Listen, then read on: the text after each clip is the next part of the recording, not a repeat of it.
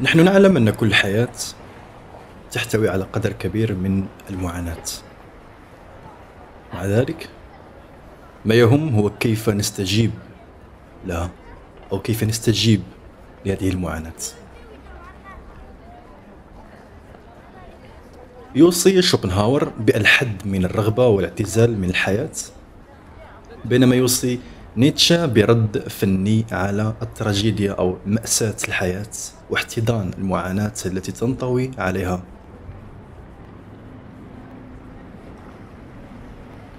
إذا كان هناك أناس سعداء على هذه الأرض فلماذا لا يخرجون ويصرخون بهذه اللذة ويعلنون عن سعادتهم في الشوارع؟ لماذا كل هذا التقدير وضبط النفس؟ يتمتع بعض الناس بحياة أسهل وأكثر امتيازا من الآخرين لكن كل حياة البشر تحتوي على معاناة وبعضها يحتوي على قدر كبير منها. قرون من التقدم التكنولوجي على الرغم من تخفيف بعض مصادر الضيق الشديد لم تجعل هذه التكنولوجيا البشر بشكل عام أكثر سعادة. كما تؤكد العديد من الدراسات ما الذي يفسر استمرار المعاناة؟ وما هو الموقف الذي يجب أن نتخذه تجاهها؟ تم تقديم إجابة قوية على هذا السؤال من قبل آرثر شوبنهاور الفيلسوف الألماني المولود عام 1788 كان يعتقد أن الرغبات البشرية ستفوق دائما إمكانات العالم لإشباعها. مما سيترك كل فرد في نوع من العجز الدائم. نيتش بعد ذلك أو نيتشه الذي كان يعتبر نفسه تلميذ لشوبنهاور قد قدم دحضا واضحا واعترف بانتشار المعاناة في كل مكان. اعتقد نيتش بعد ذلك أن شوبنهاور فشل في الاستجابة بشكل كاف للتحدي الذي طرحه. في الواقع كان يعتقد أن الفيلسوف الأكبر سنا شوبنهاور قد أعانى من فشل في الأعصاب بدلا من تحمل الآلام. اعتقد نيتش أن مواجهتنا مع المعاناة يمكن أن تكون مفتاحا لنوع مختلف من المواقف تجاه الحياة.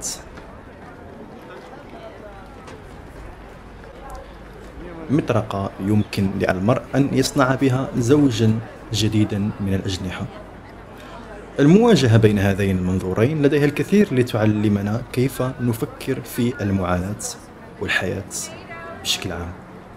هل الهدف من الحياة تحقيق فائض من اللذة على الألم؟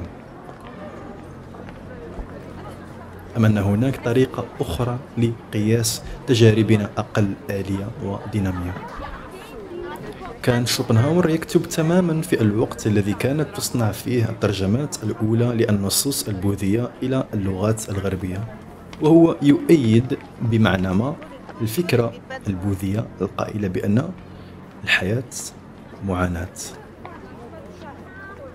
أي أن المعاناة هي جوهر الحياة التي ستحفز البشر إلى حد كبير إلى الألم. بالعطش الجوع. على سبيل المثال وما نسميه المتعة هو إلى حد كبير مجرد تخفيف لتلك الظروف. وهو ارتياح كان دائما عابرا مقارنة بالألم الذي سبقه.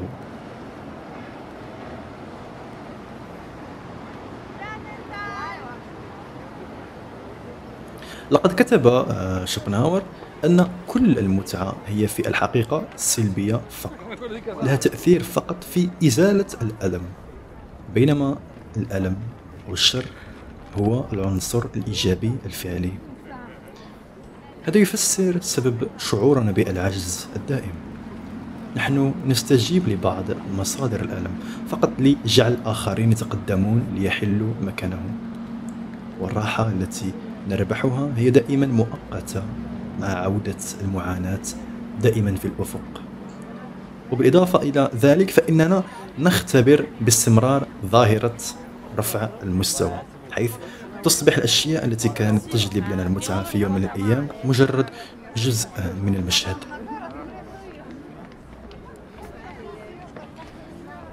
لكن بالنسبة لشوبنهاور فإن المصدر الحقيقي لمعاناة البشر هو وعي الزمن أو الوقت. الذي يميزنا نحن عن الحيوانات. تعاني جميع الكائنات الحية من الآلام الجسدية والملذات ولكن في عدم معرفتها للماضي أو المستقبل فإن الحيوانات ستظل خالية من الرعاية والقلق مع عذابها.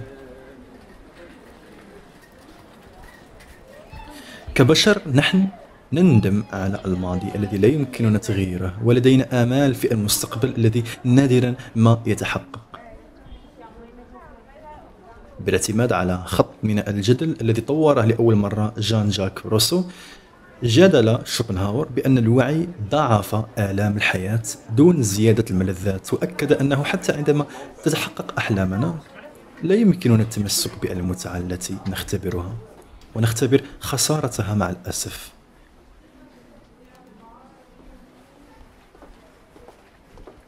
يتلاشى الحب ويموت الأصدقاء وتتوقف الإنجازات والممتلكات المادية التي جلبت الرضا عن إرضاءنا يوما ما. شوبنهاور يقول أن الزمن هو الذي بموجبه يصبح كل شيء في أيدينا ويفقد كل قيمة حقيقية.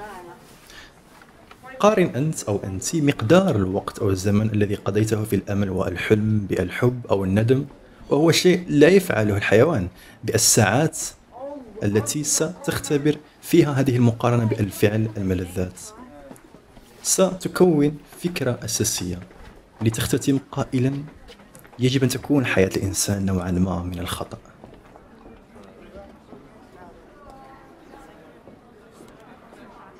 العقل الواعي مثل الوعاء المتسرب يحتاج دائما إلى ملء ولكن لا يمكن أبدا أن يظل ممتلئا. الشيء الوحيد الذي يجب فعله حيال هذا الموقف وفقا لشوبنهاور هو الحد من معاناتنا من خلال الحد من رغباتنا. كما اقترح الرواقيون فيما سبق وقبل قرون لأسباب مختلفة كلما قل ما نريده قلت المعاناة التي نخسرها أو لا نحصل عليها في المقام الأول. الحياة جحيم. ولكن يمكننا بناء غرفة أو مكان مقاوم لهذا الحريق لانتظار عذابها فقط. كل هذا بالنسبة لنيتش كان وصفا للسلبية بل للعدمية. في الواقع ألقى باللوم نيتش على شوبنهاور وتلاميذه في انحدار الثقافة الألمانية في أواخر القرن التاسع عشر إلى الشفقة على الذات والرومانسية والتي تجسدها في أوبرا فاغنر.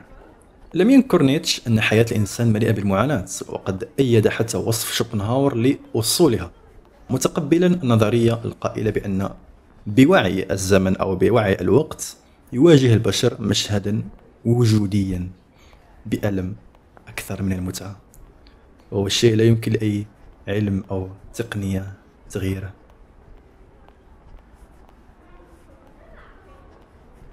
لكن المكان الذي سندخل فيه أو الغرفة التي ستقاوم هذا الحريق التي اقترحها شوبنهاور أي السعي إليها كانت مهمة حمقاء لنيتش. كانت تعني حياة لا حياة لها على الإطلاق حياة تعيش في إنكار لحالة الإنسان.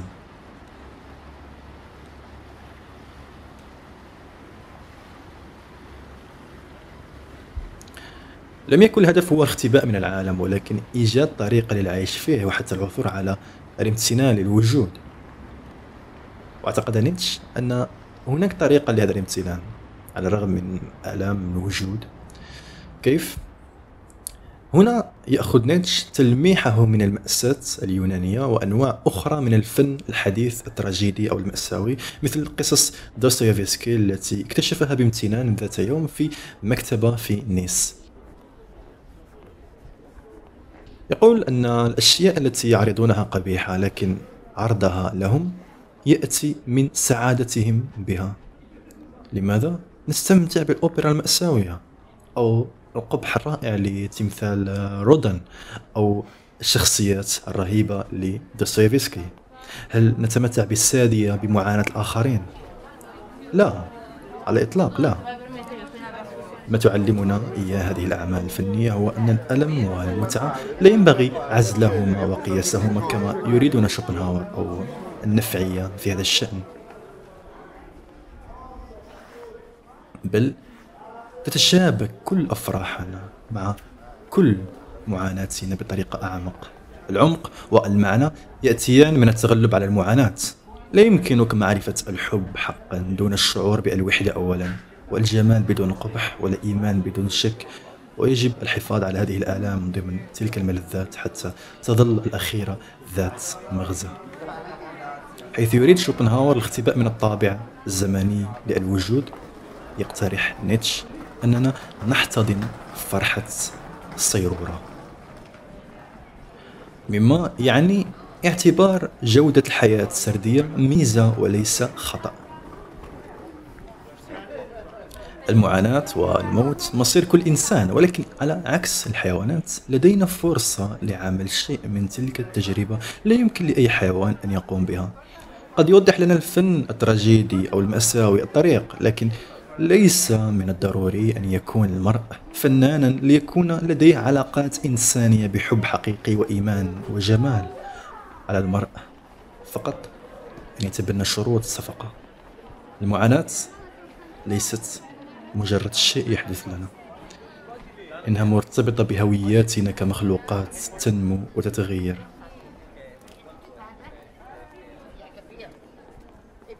كتب نيتش كل شيء يصير وينمو.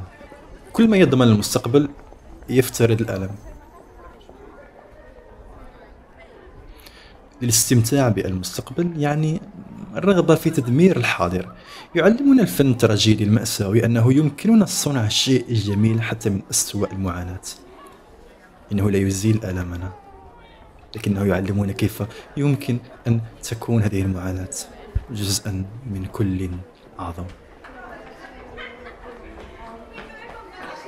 بالنسبة لنيتش كان هذا هو التشاؤم الحقيقي الذي لم يكن شوبنهاور المتشائم الشهير قويا بما يكفي لمواجهته. سماها نيتش تشاؤم النشطاء أو المفعمين بالحيوية متشائم لأنه لم يقلل من المعاناة الدائمة التي يواجهها البشر.